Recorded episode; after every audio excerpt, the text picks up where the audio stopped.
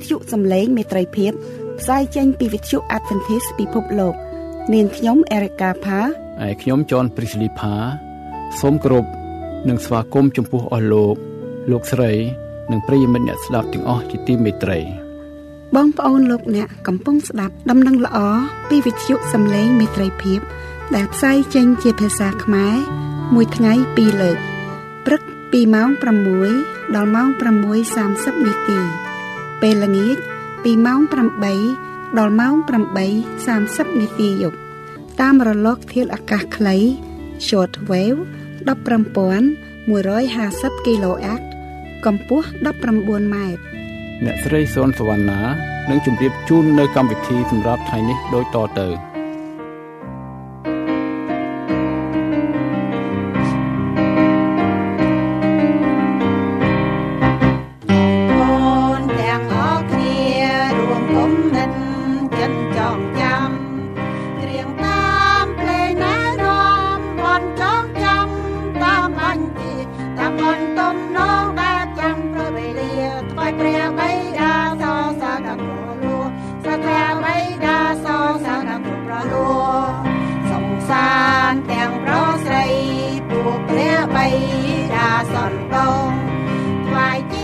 នាងខ្ញុំសូមគោរពអញ្ជើញបងប្អូនលោកអ្នកនិងប្រិយមិត្តទាំងអស់ស្ដាប់អត្ថាធិប្បាយ នៃព្រះបន្ទូលព្រះដែលនាំមកដោយលោកគ្រូសនសុផាត សូមអញ្ជើញទទួលសន្ដាប់ដូចតទៅព្រះអង្គម្ចាស់អើយគឺទ្រង់ហើយរស់យើងខ្ញុំបានព្រះអង្គរត់ធំជួយដល់ខ្ញុំឲ្យរួចស្ដាប់ថ្ងៃទុំជាបាទជំរាបសួរបងប្អូនជនញា ទាំងអស់ដែលកំពុងស្ដាប់វិទ្យុសំឡេងមន្ត្រីភាពបងប្អូនគ្រឹះបោះសัตว์និងគ្រប់គណៈនិកាយជាទីគោរពនិងជាទីស្រឡាញ់នៅក្នុងព្រះអង្គម្ចាស់នៅក្នុងនីតិអត្ថាធិប្បាយនៃព្រះគម្ពីរតាមវិទ្យុសំឡេងមន្ត្រីភាពខ្ញុំសូមស្វាគមន៍បងប្អូនទាំងអស់គ្នាបន្តនៅក្នុងប្រធានបទដ៏សំខាន់របស់យើង គឺសេចក្តីសង្គ្រោះនៅជុំវិញសេចក្តីសង្គ្រោះនឹងគឺថាយើងលើកចំណុចដ៏សំខាន់មកជម្រាបចែកជូនបងប្អូនអំពីត្រាសម្គាល់របស់ព្រះ មុននឹងយើងមើលបទបន្ទូលនេះយើងសូមបងប្អូនទាំងអស់គ្នាអធិដ្ឋានសូមពរពីព្រះជាម្ចាស់ព្រះវរបិតាដែលគង់នៅឋានសួគ៌ព្រះអង្គចាស់អើយទ្រង់គឺជាព្រះដ៏បង្កើតលោកសន្និវាសទាំងមូល គឺជាព្រះអង្គសង្គ្រោះ ដែលទ្រង់សន្យាថាព្រះយេស៊ូវដែលជាព្រះអង្គសង្គ្រោះទ្រង់នឹងយាងមកជាលើកទី2ព្រះអង្គចាស់ហើយទូមគុំថ្ងៃនេះសូមប្រពោះពិសេសសម្រាប់ទូមគុំនឹងបងប្អូនគ្រប់គ្រប់គ្នា នៅពេលដែលទូមគុំទាំងអស់គ្នាលើកមក អធិប្បាយអំពីត្រាសង្កល់របស់ព្រះ ហើយនឹងឈ្មោះនៅក្នុងជីជីវិត សូមព្រះជាម្ចាស់ប្រោះប្រទានឲ្យទុំគុំទាំងអស់គ្នា បានមើលឃើញពីសច្ចធម៌បានមើលឃើញពីសេចក្តីពិតទាំងឡាយហើយនឹងសូមព្រះវិញ្ញាណបានដឹកនាំឲ្យទុំគុំបានចុះចូលជាមួយព្រះអង្គ ទុំគុំសូមអធិដ្ឋានសូមព្រះជាម្ចាស់ប្រទានពរដើម្បីឲ្យទុំគុំនិងបងប្អូនទុំគុំជាច្រើនទៀតបានទទួលសេចក្តីសង្គ្រោះរៀបចំខ្លួនសម្រាប់ព្រះអង្គយាងមកជាលើកទី2ទូព្រះអង្គសូមអធិដ្ឋានដោយនៅព្រះនាមព្រះអង្គចាស់ព្រះយេស៊ូវគ្រីស្ទអាមែនបងប្អូនពីនាទីមុនខ្ញុំជម្រាបជូនអឺដូចថាមិនបានជាក្បោះក្បាយមកទេប៉ុន្តែយ៉ាងហោចណាស់ជាចំណុចគោលធំធំ អំពីអត្តសញ្ញាណរបស់រាជរបស់ព្រះមួយទៀតយើងហៅថាត្រាសម្កប់របស់ព្រះ ត្រាសម្គាល់របស់ព្រះគឺសំដៅទៅលើ អ្វីមួយដែលជាអត្តសញ្ញាណរបស់យើង ដែលជាហៅតកូនព្រះឥឡូវយើងចូលមកនៅក្នុងប្រធានបទរបស់យើង ថ្ងៃនេះខ្ញុំជម្រាបជូនបងប្អូនអំពីចំណុចមួយទៀតថាណែសារៈសំខាន់របស់យើង ដើម្បីរៀបចំខ្លួន សម្រាប់នៅថ្ងៃចុងក្រោយដើម្បីទទួលព្រះយេស៊ូវយាងមកជាលើកទី2នេះជាពិសេសនឹងប្រឈមនៅក្នុងការលំបាកនោះគឺបងប្អូនលោកអ្នក យើងត្រូវការរបស់ពីរយើងត្រូវការត្រាសម្គាល់របស់ព្រះ ត្រាសម្គាល់របស់ព្រះហើយយើងត្រូវការអីមួយទៀតបងប្អូនយើងត្រូវការឈ្មោះរបស់យើងកត់ត្រាទុកក្នុងជីវិត បងប្អូនជួនភ្ងាត្រាសម្គាល់របស់ព្រះនោះយើងបានមើលជាមួយគ្នានៅបទបន្ទូលជាច្រើនយើងឃើញថាដើម្បីឲ្យយើងបានទទួលត្រាសម្គាល់របស់ព្រះគឺយើងត្រូវយើងថ្វាយបង្គំព្រះនៅថ្ងៃសាបាតគឺថ្ងៃទី7 បាទថ្ងៃទី7ហ្នឹងគឺជាថ្ងៃដែលព្រះជាម្ចាស់បានកំណត់ទុកឲ្យយើងទាំងអស់គ្នា ដើម្បីថ្វាយបង្គំព្រះលោកបងប្អូនទាំងអស់គ្នាមើលជាមួយខ្ញុំមួយទៀតគឺនៅក្នុងបទបន្ទូលដែលសម្ដែងប្រាប់ថា យើងត្រូវការរបស់ពីរយ៉ាងយើងត្រូវការមួយទៀតគឺឈ្មោះក្នុងបញ្ជីជីវិតសូមមើលទៅគម្ពីរវិវណៈចំពុក20នៅក្នុងចំពុក20នេះបងប្អូនយើងមើលឃើញណែចាប់ពីខ12ទៅនោះខ្ញុំឃើញមនុស្សស្លាប់ ទាំងអ្នកធំទាំងអ្នកតូច គេឈរនៅចំពោះព្រះ បញ្ជីក៏បានបើកឡើង ហើយបញ្ជីមួយទៀតគឺជាបញ្ជីជីវិតបានបើកឡើងដែររួចមនុស្សស្លាប់ទាំងអស់ត្រូវជំនុំជម្រះពីសេចក្តីដែលកត់ទុកក្នុងបញ្ជីទាំងនោះ តាមអំពើដែលគេបានប្រព្រឹត្តរៀងខ្លួនឯសមុទ្រនោះបានប្រគល់ពួកមនុស្សស្លាប់ ដែលនៅក្នុងទឹកមកវិញសេចក្តីស្លាប់និងឋានគុំប្រលឹងមនុស្សស្លាប់ ក៏ប្រគល់ពួកមនុស្សស្លាប់ដែលនៅឯណោះមកវិញដែររួចគេត្រូវជំនុំជម្រះតាមអំពើដែលគេបានប្រព្រឹត្តរៀងខ្លួន ចំណែកសេចក្តីស្លាប់និងឋានគុំប្រលឹងមនុស្សស្លាប់នោះត្រូវបោះទៅក្នុងបឹងភ្លើងដែរនេះជាសេចក្តីស្លាប់ទី2បើអ្នកណាគ្មានឈ្មោះកត់ទុកក្នុងបញ្ជីជីវិត អ្នកនោះត្រូវបោះទៅក្នុងបឹងភ្លើងខ្ញុំសូមអោយបងប្អូនទាំងអស់គ្នាបើកាលណាមើលបទបន្ទូល ជាពិសេសនៅក្នុងគម្ពីរវីរណៈ3ចំពុកចុងក្រោយនេះគឺជាការបូកសរុបគឺជាការមួយដែលបញ្ជាក់ប្រាប់អំពីលទ្ធផលចុងក្រោយហើយនេះបាទប៉ុន្តែសូមឲ្យបងប្អូនមើលឃើញបើកន្លែងដូចថាអ្នកណាគ្មានឈ្មោះកត់ត្រាទុកក្នុងបញ្ជីជីវិតនោះនឹងត្រូវបោះទៅក្នុងបឹងភ្លើងត្រង់ចំណុចនេះគឺខ្ញុំធ្លាប់ឮបងប្អូនមានការដេញដោលគ្នាមានការពិភាក្សាគ្នាដេញដោលគ្នាច្រើនណាស់ អ្នកខ្លះក៏ដេញដោលថាភ្លើងនឹងវាឆេះណែអឺមិនចេះចប់អ្នកខ្លះទៀតក៏និយាយថាភ្លើងនោះឆេះហើយវារលត់វិញឬក៏មានអ្នកខ្លះក៏ក៏និយាយគិតថាយីណែកន្លែងនឹងមិនគួរយកមកបង្រៀនទេណែខ្លាចលោពួកជំនុំគិតថាព្រះគ្មានធម៌មេត្តា ហើយអ្នកខ្លះទៀតក៏និយាយថាបើសិនបើព្រះជាព្រះនៃមានសេចក្តីសប្បុរសនិងធម៌មេត្តាសប្បុរសធម៌នោះហេតុអីបានជាទុកឲ្យមនុស្សដែលណែអឺ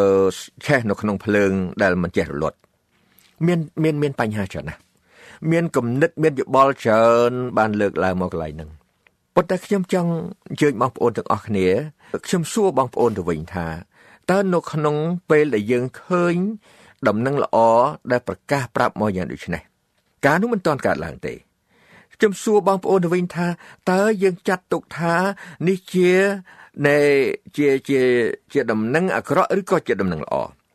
ឬក៏នៅក្នុងនេះយើងគិតនឹងមានការវិនិច្ឆ័យទៅចំពោះបហាតិរបស់ព្រះយ៉ាងណា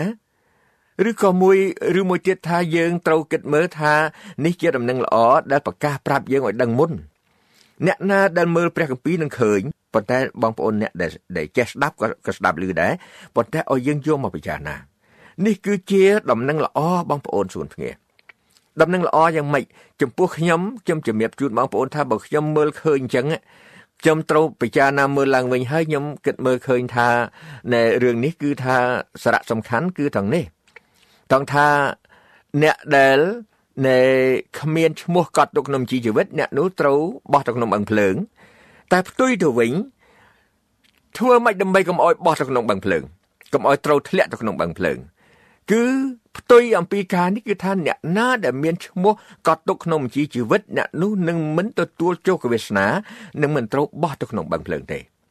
អ្នកបងប្អូនទាំងអស់នេះយល់ចេះវិញយល់ថាបើសិនជាយើងឃើញអញ្ចឹងណា គឺការប្រមាននៃព្រះបន្ទូលដំណឹងល្អជាការប្រមានយ៉ាងដូចនេះតើបងប្អូនទាំងអស់គ្នាគួរដណ្ដឹងសួរគួរជជែកសួរថាតើធ្វើម៉េចណាដើម្បីឲ្យយើងមានឈ្មោះក្នុងជីវិតដែរទេនេះខ្ញុំសូមសួរបងប្អូនសិនបើសិនជាបងប្អូនយល់ស្របថាយីណែការនេះវាគ្រោះថ្នាក់ចំពោះអ្នកអត់មានឈ្មោះក្នុងជីវិតប៉ុន្តែបើមានបើអ្នកណាមានឈ្មោះក្នុងជីវិតអ្នកនោះនឹងត្រូវបានសង្គ្រោះអ្នកនោះនឹងមិនត្រូវទទួលនៅជោគវាសនាដ៏អាក្រក់នេះទេតើអ្នកដែល មិនបោះទៅក្នុងបឹងភ្លើងគេទៅណាបងប្អូនទាំងអស់គ្នានៅក្នុងដើមកាពីបានចែកច្បាស់ណាស់ថាព្រះលើកពួកគេទាំងអស់គ្នាទៅនៅជាមួយព្រះអង្គសោយសុក1000ឆ្នាំសន្តិភាពជាមួយនឹងព្រះនៅឯនគរឋានសួគ៌គឺជាអ្នកស្ដាប់បង្គាប់ព្រះជាអ្នកធ្វើតាមហាតិរបស់ព្រះជាអ្នកមានត្រាសម្គាល់របស់ព្រះថ្វាយបង្គំព្រះនៅថ្ងៃសបាតអ្នកនោះនឹងបានចូលទៅក្នុងអាណាចក្ររបស់ព្រះបើសិនជាយើងដេញដោលសួរថាវាវាបានអីចំណេញបងប្អូន ប៉ុន្តែនៅក្នុងបទបន្ទូលនេះគឺព្រះハតិរបស់ព្រះ ចង់ឲ្យយើងទាំងអស់គ្នា បានមើលឃើញថាអ្នកលទ្ធផលអ្នកដែលមិនស្ដាប់បង្គាប់ព្រះ អ្នកដែលធ្វើមិនត្រូវតាមហាតិរបស់ព្រះគឺវាពិបាកណាស់ឥឡូវបងប្អូនទាំងអស់គ្នាមើលយើងនាំគ្នាទៅមើលថាតើក្នុងព្រះគម្ពីរនេះដែលព្រះបានមានព្រះបន្ទូលយ៉ាងដូចនេះ ប្រមានយើងអំពីការគ្រោះថ្នាក់ដ៏ធំប៉ុន្តែយើងយើងយើងយើងយើងសួរមើលថាយើងស្វែងរកមើលថាតើនៅក្នុងព្រះគម្ពីរមានបទបន្ទូលត្រង់ណា ដែលបញ្ជាក់ប្រាប់យើងថាយើងអាចនឹងរកបាននៅការកត់ឈ្មោះរបស់យើងក្នុងជីវិតដែរទេនេះខ្ញុំសូមអញ្ជើញបងប្អូនសុនភ្ងាទោះបីបងប្អូនជាអ្នកគ្រីស្ទានហើយឬបងប្អូនមិនទាន់ទៅជាអ្នកគ្រីស្ទានហើយប៉ុន្តែកន្លែងនេះចែងច្បាស់អំពីច្រកផ្លូវទៅនគរឋានសួគ៌ បាទនៅក្នុងពេលនេះបើយើងនិយាយនៅក្នុងពាក្យសាមញ្ញបានន័យថាម៉េចបងប្អូនបើនិយាយថាបឹងភ្លើងហ្នឹងគឺវាជាប់គ្នាដូចនរកឋាននរកដល់ទៅខាងឋានសួគ៌គឺកន្លែងដែលសុកសាន1000ឆ្នាំហើយអ្នកដែលមិនបានទៅឋានសួគ៌គឺមានកន្លែងមួយទៀតគឺឋាននរកនៅក្នុងសង្គមខ្មែរយើងយើងច្រើនរាប់ថាឋាននរកណែនិងឋានសួគ៌អានេះហើយដែលបញ្ជាក់ប្រាប់ពីឋាននរកសូមជើញបងប្អូនទាំងអស់គ្នាមើលទៅបទបន្ទូលរបស់ព្រះអង្គដែលខ្ញុំបានសិក្សាខ្ញុំបាន អធិដ្ឋានខ្ញុំឃើញនៅព្រះជាម្ចាស់បានប្រទានពរឲ្យយើងមានព្រះមិនដែលបិទច្រកសម្រាប់យើងទេបងប្អូនខ្ញុំជម្រាបជូនបងប្អូនថាព្រះមិនដែលបិទច្រកទេព្រះអង្គតែងបើកច្រកទូលំទូលាយណាស់សម្រាប់យើងដើម្បីឲ្យយើងបានចូលក្នុងសេចក្តីសង្គ្រោះយើងមើលគម្ពីរនេះមួយសិនបងប្អូនទាំងអស់គ្នាគឺថាព្រះបានកាន់នៅប្រហោះរបស់ព្រះអង្គរបស់ពីរ គឺព្រះអង្គទ្រង់កាន់ទាំងប្រពោះផង និងកាន់បណ្ដាសាផងប៉ុន្តែព្រះជាម្ចាស់ប្រាប់យើងថាឲ្យយើងទទួលយកប្រពោះទៅកុំឲ្យយើងយកបណ្ដាសាបងប្អូនមើលជាមួយខ្ញុំតិចមើលនៅក្នុងបទបន្ទូលមួយបាទបងប្អូនមានព្រះគម្ពីរបើកទៅគម្ពីរចោទយកថា យើងមើលនៅជំពូក30បងប្អូនខ19អញអាងដល់ឋានសួគ៌និងផែនដី ឲ្យធ្វើជាបន្ទាល់ទាស់នឹងឯងរាល់គ្នានៅថ្ងៃនេះថាអញបានដាក់សម្ញែងទាំងជីវិតនិងសេចក្តីស្លាប់ទាំងប្រពន្ធស្ដីបណ្ដាសានៅមុខឯងរាល់គ្នាដូច្នេះចូលរើសយកជីវិតចុះដើម្បីឲ្យឯងបានរស់នៅព្រមទាំងពូជឯងតរៀងទៅផងចំណោមបងប្អូនមកមើលនៅក្នុងព្រះគម្ពីរអេសាយចំពុក56ព្រះគម្ពីរមិនចែងជាផ្លូវមួយដែលព្រះបានបើកទូលំទូលាយសម្រាប់យើង បងប្អូនណាដែលមានចំណងចិត្តចង់ទទួលយកជីវិត ចង់ទទួលយកប្រពោពីព្រះសូមមើលហើយស្ដាប់នៅក្នុងនេះគឺនេះគឺជាអឺគឺជាជីវិតអស់កលសម្រាប់យើងទាំងអស់គ្នាបងប្អូនមើលទៅគម្ពីរអេសាយពុក56ព្រះយេហូវ៉ាទ្រង់មានបន្ទូលដូចនេះថាខ1ចូលរក្សាសេចក្តីយុត្តិធម៌ហើយប្រព្រឹត្តតាមសេចក្តីសុចរិតចុះពីព្រោះសេចក្តីសង្គ្រោះរបស់អញបានមកជិតដល់ហើយឯសេចក្តីសុចរិតរបស់អញក៏រៀបនឹងសម្ដែងឲ្យឃើញដែរ ខ2មានពោហើយមនុស្សណាដែលប្រព្រឹត្តយ៉ាងនោះព្រមទាំងកូនមនុស្សណាដែលកាន់សេចក្តីនេះឲ្យខ្ជាប់ខ្ជួនផង គឺជាអ្នកដែលថែរក្សាថ្ងៃឈប់សម្រាកឥតបង្អាប់ហើយរក្សាដៃមិនអោយធ្វើការអាក្រក់ណាឡើយបងប្អូនស្គនភ្ងាគឺថាខ្ញុំសូមបើកវងកញ្ចក់តិចកន្លែងហ្នឹងពីព្រោះថាក្រែងលោកបងប្អូនខ្លះទៅនឹងស្ដាប់លើកទី1 នៅក្នុងព្រះគម្ពីរទាំងមូលពាក្យថា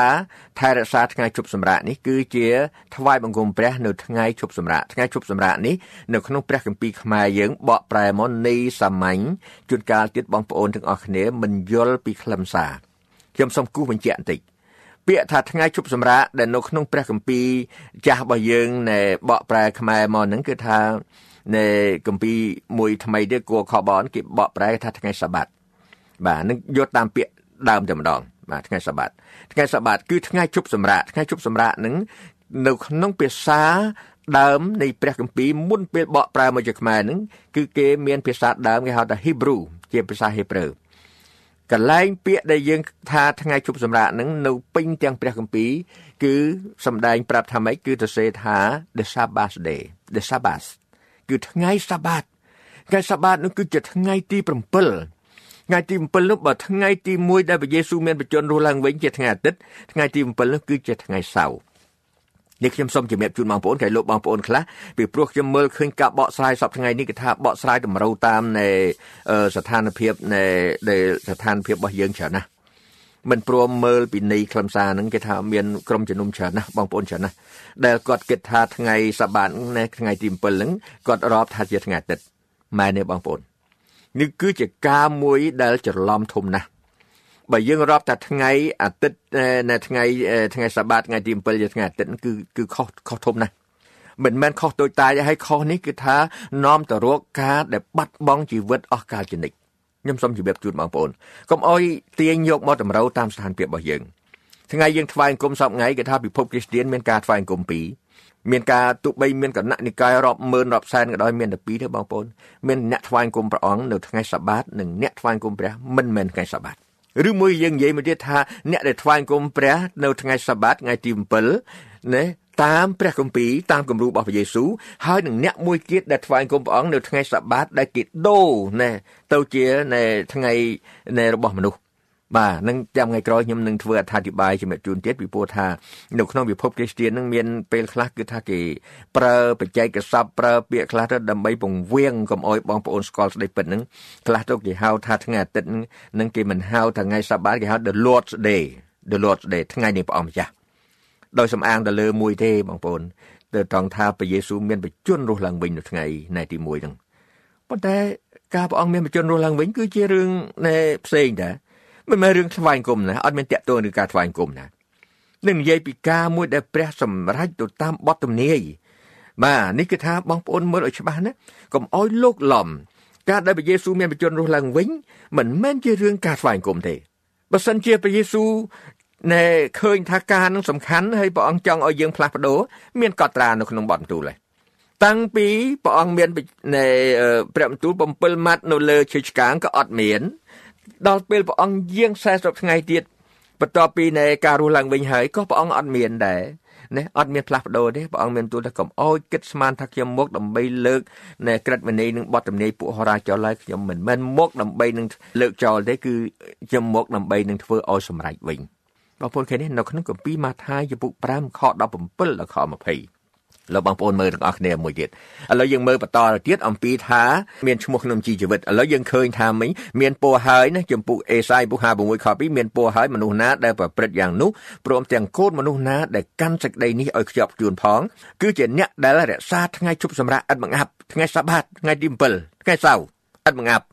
ហើយរក្សាដៃមិនអោយធ្វើការអាក្រក់ណាឡើយខ្ញុំបញ្ជាក់នឹងដើម្បីកុំអោយបងប្អូនទាំងអស់កាយលោកបងប្អូនមិនដឹង បាទសូមសូមអធិស្ឋានបងប្អូនដឹងហើយអាមែនលោកបងប្អូនមើលតទៅទៀតកន្លែងនេះដែលបញ្ជាក់ប្រាប់បងប្អូនចាប់មើលពីខ5ទៅអញនឹងអោយគេមានទីកន្លែងមួយនៅក្នុងព្រះវិហារអញហើយអោយមានឈ្មោះឆ្លាក់នៅជញ្ជាំងខាងក្នុង ដែលវិសេសជាងកូនប្រុសកូនស្រីទៅទៀតអញនឹងអោយគេមានឈ្មោះដ៏នៅអស់កាលជានិច្ចជាឈ្មោះដែលមិនត្រូវកាត់ចេញឡើយបងប្អូនឃើញហើយនៅលើនេះ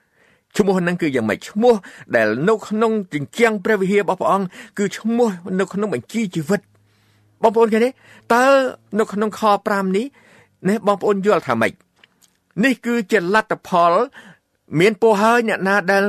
ប្រព្រឹត្តយ៉ាងនោះគឺព្រមទាំងកូនមនុស្សណាដែលកាន់សេចក្តីនេះឲ្យខ្ជាប់ខ្ជួនផង គឺជាអ្នកដែលថែរក្សាថ្ងៃជប់សម្រាប់អត់បង្ងាប់ជាអ្នកដែលចូលថ្វាយបង្គំព្រះនៅថ្ងៃសបាត បងប្អូនឃើញទេលទ្ធផលគឺព្រះជាម្ចាស់ឆ្លាក់ឈ្មោះអ្នកនោះនៅក្នុងជញ្ជាំងខាងក្នុងនៃព្រះវិហាររបស់ព្រះអង្គបើសិនជានៅជញ្ជាំងក្រៅគេលោកគេលុបបានបងប្អូនប៉ុន្តែជញ្ជាំងខាងក្នុងនេះព្រះវិហាររបស់ព្រះទៀតជាឈ្មោះដែលថិតថេរនៅអស់កាលជាឈ្មោះដែលមិនត្រូវកាត់ចេញឡើយពាក្យថាអស់កាលមានពេលផុតកំណត់ទេបងប្អូនដូច្នេះយើងឃើញថាលក្ខណៈអ្នកដែល ថ្វាយបង្គំព្រះនៅថ្ងៃសបាតអានេះយើងឃើញថាឈ្មោះក្នុងជីវិតនេះគឺជាលទ្ធផលនៃការដែលថ្វាយបង្គំព្រះនៅថ្ងៃសបាតទៀតបងប្អូនឃើញមូលទេត្រាសង្កល់របស់ព្រះ គឺជាលទ្ធផលនៃការដែលថ្វាយបង្គំព្រះនៅថ្ងៃសបាតដែលបានទទួលប្រពោះដ៏អស្ចារ្យឥឡូវនេះអ្នកដែលមានឈ្មោះក្នុងជីវិតអ្នកថ្វាយគុំព្រះនៅថ្ងៃសបាតអ្នកត្រូវព្រះកត់ត្រាឈ្មោះនៅក្នុងបញ្ជីជីវិតទៀតឥឡូវបងប្អូនទាំងអស់គ្នាមើលថាម៉េច សំខាន់ទេបងប្អូនទាំងអស់គ្នាមកដល់ចំណុចនេះខ្ញុំសួរបងប្អូនមើលថាតើបងប្អូនគិតថាថ្វាយគុំព្រះអង្គថ្ងៃណាក៏បានឬក៏តែខ្ញុំធ្លាប់មកអញ្ចឹងមកហើយខ្ញុំចេះទៅទៅទៀតទៅអឺខ្ញុំណែមិនហ៊ានចោលទេមកខ្ញុំទៅទៅខ្ញុំចោលគ្រូខ្ញុំខ្ញុំមិនហ៊ានទៅទេចោលទៅចោលណែបងប្អូនចោលមិត្តភ័ក្តិច្រើនណាអ្នកអធិប្បាយមួយគាត់ថាបងប្អូនបើសិនជាបងប្អូនស្វែងរកសេចក្តីពិតឃើញបងប្អូនបានសង្គ្រោះបងប្អូនអត់មានចោលណាទេកុំចូលយើងអញ្ជើញពួកគាត់ឲ្យចូលមកក្នុងនឹងមក ពីព្រោះថាព្រះ មានបន្ទូលថាម៉េចនៅក្នុងព្រះគម្ពីរនៃវិវណៈចម្ពោះ18ចម្ពោះ18ខ4បងប្អូនមើលបន្ទូលម្ដងទៀតមើលនៅខ្ញុំក៏ឮសំឡេងមួយទៀតពីលើមេឃពោលថារះអញអើយចូលចេញពីទីក្រុងនោះមកក្រុងបាប៊ីឡូនក្រុងបាប៊ីឡូនដ៏ជាធំគឺក្រុងបាប៊ីឡូនដែលរលំចុះនោះបានស្ដីថាជាក្រុងបាប៊ីឡូនគឺជា ប្រព័ន្ធនៃការថ្វាយបង្គំខុស ព្រះនៅត្រាស់ហៅដូច្នេះបងប្អូនហើយដើម្បីឲ្យយើងទាំងអស់គ្នាបានចូលទៅក្នុងនគររបស់ព្រះគឺទី1បងប្អូនមានឈ្មោះក្នុងជីវិតហើយបងប្អូនត្រូវមានអីទេនៅមានឈ្មោះក្នុងជីវិតហើយបងប្អូនមានត្រាសម្គាល់របស់ព្រះបាទគឺគឺអស្ចារ្យមែនទែនហើយមិនត្រឹមតែប៉ុណ្ណោះទេបងប្អូនទាំងអស់គ្នា សំណួរមួយដែលសួរថានៅនៅក្នុងគម្ពីរវិវណៈចំពុក6បងប្អូនយើងមើលកន្លែងនេះដែលបងប្អូនទាំងអស់គ្នាថាហេតុអីបានជាយើងត្រូវការមានត្រាសម្គាល់របស់ព្រះហេតុអ្វីបានយើងយើងត្រូវការមានឈ្មោះក្នុងជីវិតគឺគឺថាសុទ្ធតែមានអឺចំណុចសំខាន់សំខាន់ហើយសូមបងប្អូនទាំងអស់គ្នាស្ដាប់ហើយអធិដ្ឋានទៅព្រះបើសិនបើព្រះមានព្រះបន្ទូលទៅកាន់បងប្អូនថ្ងៃនេះថារឿងនេះជារឿងសំខាន់បងប្អូនអាចនឹងបំផ្លាស់ប្រែហើយវិលត្រឡប់ចូលមកថ្វាយគុំព្រះអង្គពេលយេស៊ូវមានទូលថាចូលឲ្យប្រែចិត្តឡើងត្បិតនគរឋានសួគ៌ចិត្តដល់ហើយ គឺរយៈពេលនៃប្រគុណនឹងហើយដែលបងប្អូនទាំងអស់គ្នានៅមានពេលមានឱកាសអាចនឹងវិលត្រឡប់មកថ្វាយគុំព្រះគ្មានព្រះអត់មានបន្ទោសឡើយព្រះអត់មានដាក់ទណ្ឌកម្មអ្វីឡើយគឺមុនពេលដែលគេហៅថាទ្វាទូកបានបាត់ទ្វានោះគឺយើងសុំវិលត្រឡប់មកវិញទាំងកិត្តិយសហើយយើងនឹងបានទទួលនៅអឺ ការកត់ឈ្មោះយើងនៅក្នុងជីវិតហើយយើងនឹងបានត្រាសង្កល់ព្រះបងប្អូនមើលនៅក្នុងគម្ពីរវណ្ណៈចម្ពោះ6ណានៅចុងខបងអស់ខ17ត្បិតថ្ងៃធំនៃសេចក្តីក្រោធរបស់ទ្រង់បានមកដល់ហើយតើអ្នកណាអាចនឹងឈរនៅបានហើយកន្លែងខ្ញុំឆ្លើយប្រាប់បងប្អូនថានៅក្នុងគម្ពីរវិវណៈយពុ7ខ3ថាកុំអោយធ្វើទុកផែនដីសមុទ្រឬដើមឈើណាក្តីទាល់តែបោះត្រានៅត្រង់ថ្ងាសនៃពួកបាវបំរើរបស់ព្រះនេះយើងសិនបងប្អូនស្ដាប់តន់កន្លែងហ្នឹងនៅ បើខ្ញុំលើកមកកន្លែងហ្នឹងគឺព្រះជាម្ចាស់កំពុងបោះត្រាចំណាំអ្នកណាមួយដែលថ្វាយបង្គំព្រះនៅថ្ងៃសបាតថ្ងៃសបាតគឺថ្ងៃទី7គឺថ្ងៃសៅរ៍សូមបងប្អូនទាំងអស់គ្នា បងប្អូនខ្ញុំសូមជូនបងប្អូនទាំងអស់គ្នានៅដំណឹងល្អនៃសេចក្តីសង្គ្រោះមួយជីវិតរបស់ខ្ញុំដែលបម្រើព្រះដែលស្គាល់ព្រះយេស៊ូវ ខ្ញុំឃើញថាខ្ញុំផ្សព្វផ្សាយដំណឹងល្អខ្ញុំជំរាបជូនបងប្អូនបើបងប្អូនសួរខ្ញុំថាឥឡូវខ្ញុំធ្វើម៉េចរៀបចំខ្លួនខ្ញុំសម្រាប់ព្រះយេស៊ូវយាមកលើកទី2ឥឡូវធ្វើម៉េចដើម្បីខ្ញុំឆ្លងកាត់ការលំបាកដ៏ខ្លាំងនោះខ្ញុំប្រាប់បងប្អូនដោយដោយស្មោះត្រង់ថាបងប្អូន មានតែពីរទេរបស់ពីរដែលយើងត្រូវការចាំបាច់មួយគឺឲ្យយើងមានត្រាសម្គាល់របស់ព្រះ គឺថ្វាយបង្គំព្រះនៅថ្ងៃសបាតថ្ងៃទី7ជាថ្ងៃសៅរ៍រួចហើយបងប្អូនត្រូវមាន ឈ្មោះនៅក្នុងជីវិត ដើម្បីឲ្យយើងទាំងអស់គ្នាបានទទួលចូលទៅក្នុងនគរឋានសួគ៌ចូលទៅក្នុងទីក្រុងនៃបរិសុទ្ធរបស់ព្រះសេចក្តីសង្គ្រោះរបស់បងប្អូនទាំងអស់គ្នា សំខាន់ណាស់ដូច្នេះសូមបងប្អូនដាប់ហើយអធិដ្ឋាន ហើយសូមទទួលយកបើសិនជាព្រះបានបណ្ដាចិត្តឲ្យបងប្អូនទាំងអស់គ្នានេះគឺជាសេចក្តីសង្គ្រោះរបស់បងប្អូនទាំងអស់គ្នា ខ្ញុំបញ្ចប់ឲ្យបងប្អូនមើលចំណុចមួយនៅក្នុងកាពីអេសាយជំពូក66ខ23កាពីចែងថាគ្រានោះនឹងកើតមានដូច្នេះថាចាប់តាំងពីថ្ងៃចូលខែ1ដល់រាប់ដល់ថ្ងៃចូលខែ1ទៀតហើយពីថ្ងៃឈប់សម្រាកមួយដល់រាប់ដល់ថ្ងៃឈប់សម្រាកមួយទៀតគឺថ្ងៃសាបាតថ្ងៃទី7គឺថ្ងៃសៅរ៍នោះគ្រប់មនុស្សទាំងអស់នឹងមកក្រាបថ្វាយបង្គំនៅចំពោះអញនេះជាព្រះបន្ទូលនៃព្រះយេហូវ៉ាព្រះគម្ពីរអេសាយមានន័យថាសេចក្តីសង្គ្រោះ បូកសរុបនៅក្នុង3ខចុងក្រោយ គឺព្រះជាម្ចាស់បានបើកឲ្យអ្នកដែលស្រឡាញ់ព្រះនឹងមើលឃើញ មើលឃើញការថ្វាយបង្គំព្រះនៅនគរឋានសួគ៌នៅក្នុងនគរឋានសួគ៌អស់ហើយបងប្អូន ថ្ងៃសបាតដែលមិនមែនព្រះបង្កើតនឹងចប់នៅពេលព្រះយេស៊ូវយាងមកជាលើកទី2ចាប់ផ្ដើមពីណាមកបងប្អូនចាប់ផ្ដើមពីសតវត្សទី4នៅក្នុងសម័យកុងស្តង់ទីនរហូតដល់ព្រះយេស៊ូវយាងមកលើកទី2គឺអស់ហើយ ពីព្រោះទៅក្នុងឋានសួគ៌អត់មានថ្ងៃពី3ទៀតទេណាពីថ្ងៃសបាតមួយដល់ថ្ងៃសបាតមួយគេនឹងមកក្រាបថ្វាយបង្គំនៅចំពោះអញនេះគឺជាព្រះបន្ទូលរបស់ព្រះបងប្អូនឃើញទេនេះជា this is worship in heaven នេះគឺជាការថ្វាយបង្គំព្រះនៅនគរឋានសួគ៌នេះបងប្អូនទាំងអស់គ្នាដូច្នេះការថ្វាយបង្គំព្រះលើផែនដីនេះ ការចូលថ្វាយបង្គំព្រះរៀងរាល់ថ្ងៃសបាតគឺជា rehearsal គឺជាការសមយុទ្ធរបស់យើង ដើម្បីថ្ងៃមួយ ពេលដែលព្រះទ្រង់នាំយើងចូលទៅគេហៅ the uh, the saint go marching in ពួកអ្នកបរិសុទ្ធនឹងដើរជាក្បួនភៀវហយត្រាចូលទៅកាន់ទីក្រុងបរិសុទ្ធអរគុណព្រះអង្គឥឡូវបងប្អូនទាំងអស់គ្នាមើលមួយខចុងក្រោយនៅក្នុងគម្ពីរអេសាយជំពូក66នោះគ្រប់មនុស្សទាំងអស់នឹងមកក្រាបថ្វាយបង្គំនៅចំពោះអញនេះជាព្រះបន្ទូលនៃវាវ៉ាខ24 គេនឹងចេញទៅមើលគេគឺពួកអ្នកដែលថ្វាយគុំព្រះនៅមុខនៃបលាំងរបស់ព្រះអង្គហ្នឹងពួកហ្នឹងគេចេញទៅមើលសាកខ្មោចរបស់មនុស្សទាំងមួយម៉ានដែលបានបះបោនឹងអញបានបះបោនឹងអញគឺថាព្រះមានទូលថាគេបានបះបោបះបោគឺយ៉ាងម៉េចបងប្អូនគឺគេមិនស្ដាប់បង្គាប់គឺមិនកាន់ក្រឹតវិន័យ10ប្រការគឺមិនថ្វាយគុំព្រះនៅថ្ងៃសបាតនឹងហើយដែលបងប្អូនសពថ្ងៃគិតមើលឃើញថាក្រឹតនៃទី4បងប្អូនលាយមើលទាំងអស់ បងប្អូនគិតថាពួកនៅក្រុងបាប៊ីឡូនបំពេញក្រាច់នៃទី2ពួកនឹងធ្វើបាបជាមួយនឹងព្រះប៉ុន្តែនៅក្នុងសម័យនេះពួកអ្នកគ្រីស្ទានយើងបំពេញក្រាច់នៃទី4គេថាគេអត់បាបទេគេថានៅថ្ងៃសបាតមែនទានគឺសម្រាប់ពួកសាសយូដាសម្រាប់កពីសញ្ញាចាស់ណាប៉ុន្តែសម្រាប់នៅកពីសញ្ញាថ្មីគឺថាអូមានមានមានហេតុផលច្រើនបងប្អូនមានលេសមានការដោះសារច្រើនណាស់ប៉ុន្តែបងប្អូនមើលកន្លែងនេះ ព្រះអត់បានផ្លាស់ប្ដូរអ្វីទេបើសិនជាព្រះមិនបានផ្លាស់ប្ដូរគឺយើងគឺចាញ់ការបោកបញ្ឆោតរបស់អរិយសាតាំងខ្ញុំសូមបញ្ជាក់បងប្អូនថាកំហុសរបស់បងប្អូនត្រង់ថាបងប្អូនមិនព្រមមើលគំរូរបស់ព្រះយេស៊ូវរួចហើយឥឡូវនេះគេថាយើងនន់តន់ពេលតន់ពេលដែលព្រះវិញ្ញាណកំពុងត្រាស់ហៅ The Holy Spirit is still calling កំពុងត្រាស់ហៅបងប្អូនថ្ងៃនេះថាជួយប្រែចិត្តចោះបានកោឋានសួគ៌ជាដល់ហើយ ជាពេលវេលាដែលបងប្អូនអាចនឹងបំផ្លាស់ប្រែពេលណាទ្វារទូកបិទហើយគឺចប់ហើយពេលណាព្រះយេស៊ូវយាងមកលឺសំឡេងត្រែហើយគឺចប់ហើយបងប្អូនទាំងអស់គ្នាប៉ុន្តែថ្ងៃសាបាតដែលព្រះបង្កើតថ្ងៃទី7ថ្ងៃសាបាតថ្ងៃសៅរ៍ថ្ងៃថ្វាយគុំព្រះមាននៅក្នុងសួនច្បារដែនមាននៅក្នុងសម័យព្រះយេស៊ូវមាននៅនគរឋានសួគ៌ទៀត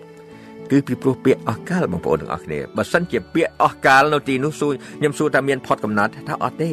ចុះឥឡូវគេចេញទៅមើលសាកខ្មោចរបស់ពួកណាពួកអ្នកដែលប្រឆាំងបះបោណាបានស្អីថាមិនព្រមកាន់ក្រិតវិន័យនេះគឺព្រះគម្ពីរសម្ដែងច្បាស់ណាស់ថាអ្នកដែលមិន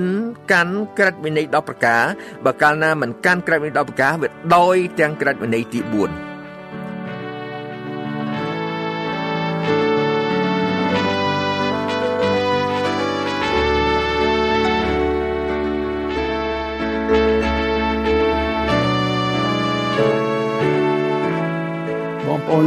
អ្នកអាចសរសេរមកវិទ្យុសំឡេងមិត្តភាពតាមអាស័យដ្ឋានវិទ្យុសំឡេងមិត្តភាពប្រអប់សម្បត្តិ488ក្រុងភ្នំពេញ កម្ពុជាឬអ៊ីមែលទៅកាន់វិទ្យុយើងតាមអាស័យដ្ឋាន vol@awr.org លោកអ្នកអាចស្នើសុំសិភៅមេរៀនព្រះគម្ពីរ CD អធិប្បាយឬជាសំណួរសំណុំពរមកវិទ្យុយើងបានគ្រប់ពេល។ កម្មវិធីសម្រាប់ថ្ងៃនេះចប់តែប៉ុណ្ណេះវិទ្យុយើង សូមថ្លែងអំណរគុណជាអតិបរមា ចំពោះការយកចិត្តទុកដាក់ស្ដាប់ របស់អស់លោកអ្នកនាង សូមព្រះជាម្ចាស់នៃមេត្រីភាព ប្រោះប្រទានព្រះពរគឺសេចក្តីសុខសន្តិភាព អំណរនិងសុភមង្គល ជានិច្ចនិរន្តរ៍តរៀងទៅសួស្តី